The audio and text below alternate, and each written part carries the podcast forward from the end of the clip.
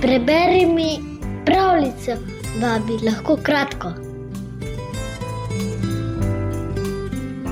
Carjev sin ima zemljo in gradove, ne potrebuje obrti, je vzkliknil vezir. Samo revni ljudje morajo znati delati. Je to res? Kaj o tem meni sam car, ki se preživlja kot pastir? Obrt je zlata vredna, češka pravljica. Neki car se je nekoč s svojo ženo in hčerjo namenil malo voziti po morju.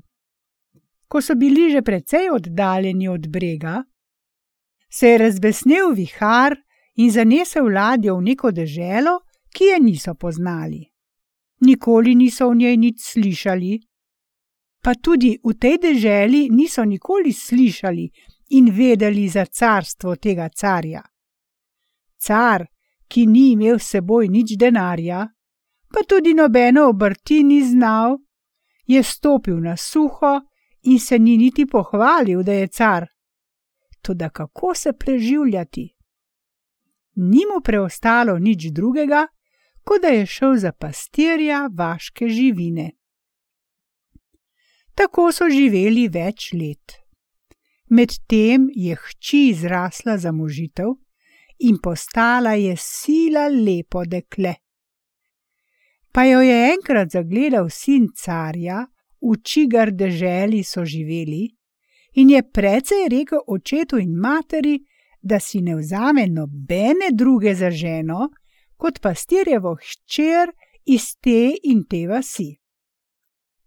Oče in mati in vsi dvorjani so carjeviču prigovarjali, naj ne napravi te sramote in si spričo vseh carskih, kraljevskih in plemiških čera ne izbere prav pastirjeve. Pa je bilo vse za manj, ostal je pri svojem. Nak, nobene druge. Ko je car sprevidel, da ne gre drugače, je poslal svojega vezirja k pastirju, da bi mu naznanil, da želi car njegovo hčer za svojega sina. Ko je prišel vezir k pastirju in mu sporočil carjevo željo, ga je pastir vprašal: Kakšno obrt pa zna carjev sin? Ko je vezir slišal to vprašanje, je ves odrevenel.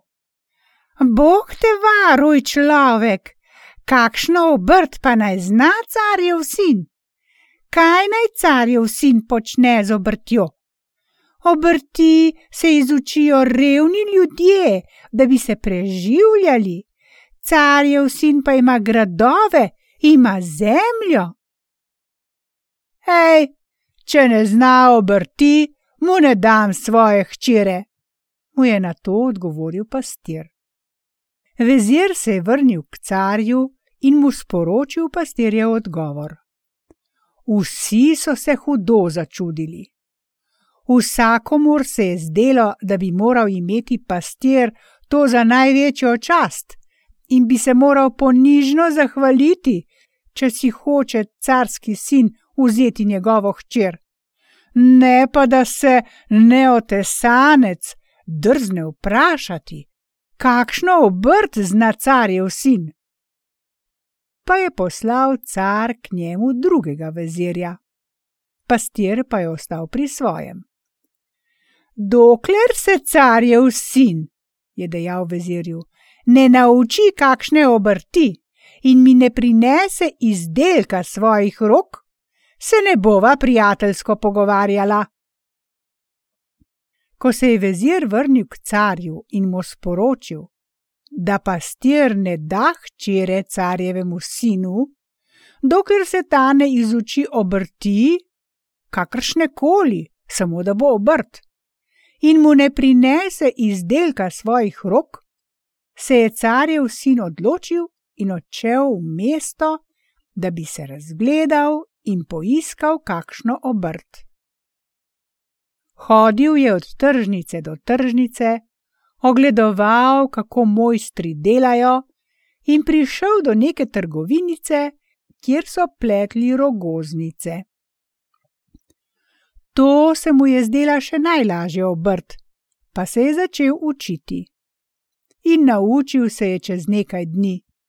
Ko je vedel, kako in kaj, je spletel lepo rogoznico in jo poslal pastirju z naznanilom, da se je takšne obrti izučil carjev sin in da je to izdelek njegovih rok.